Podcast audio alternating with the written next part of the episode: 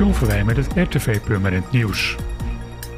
Deze week start GGD Zaanstreek Waterland drie grootschalige onderzoeken naar gezondheid en leefstijl van kinderen tot 12 jaar, volwassenen en senioren in de regio Zaanstreek Waterland. De GGD doet deze onderzoeken iedere vier jaar met als doel om zorg en activiteiten zo goed mogelijk te laten aansluiten op de behoeften van de inwoners. Ongeveer 50.000 inwoners krijgen op 25 september een uitnodiging om een enquête in te vullen.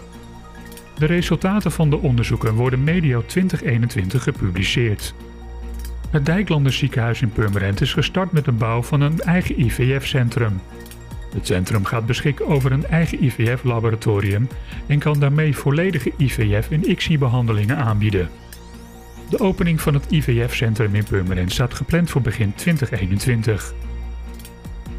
GGD Zaanstreek Waterland heeft bekendgemaakt dat zij eind volgende week meer informatie geven over het onderzoek naar de op 3 september jongsleden zoekgeraakte testbuisjes. Het gaat om 132 vermiste coronatesten.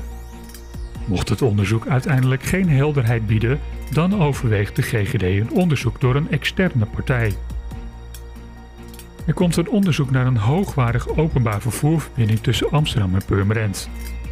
De reden voor dit onderzoek is de verwachte toename van de mobiliteitsbehoeften tussen Purmerend en Amsterdam in de komende jaren. De verwachting is dat het onderzoek eind dit jaar zal zijn afgerond. Meer nieuws op de website en de Facebookpagina van RTV Purmerend.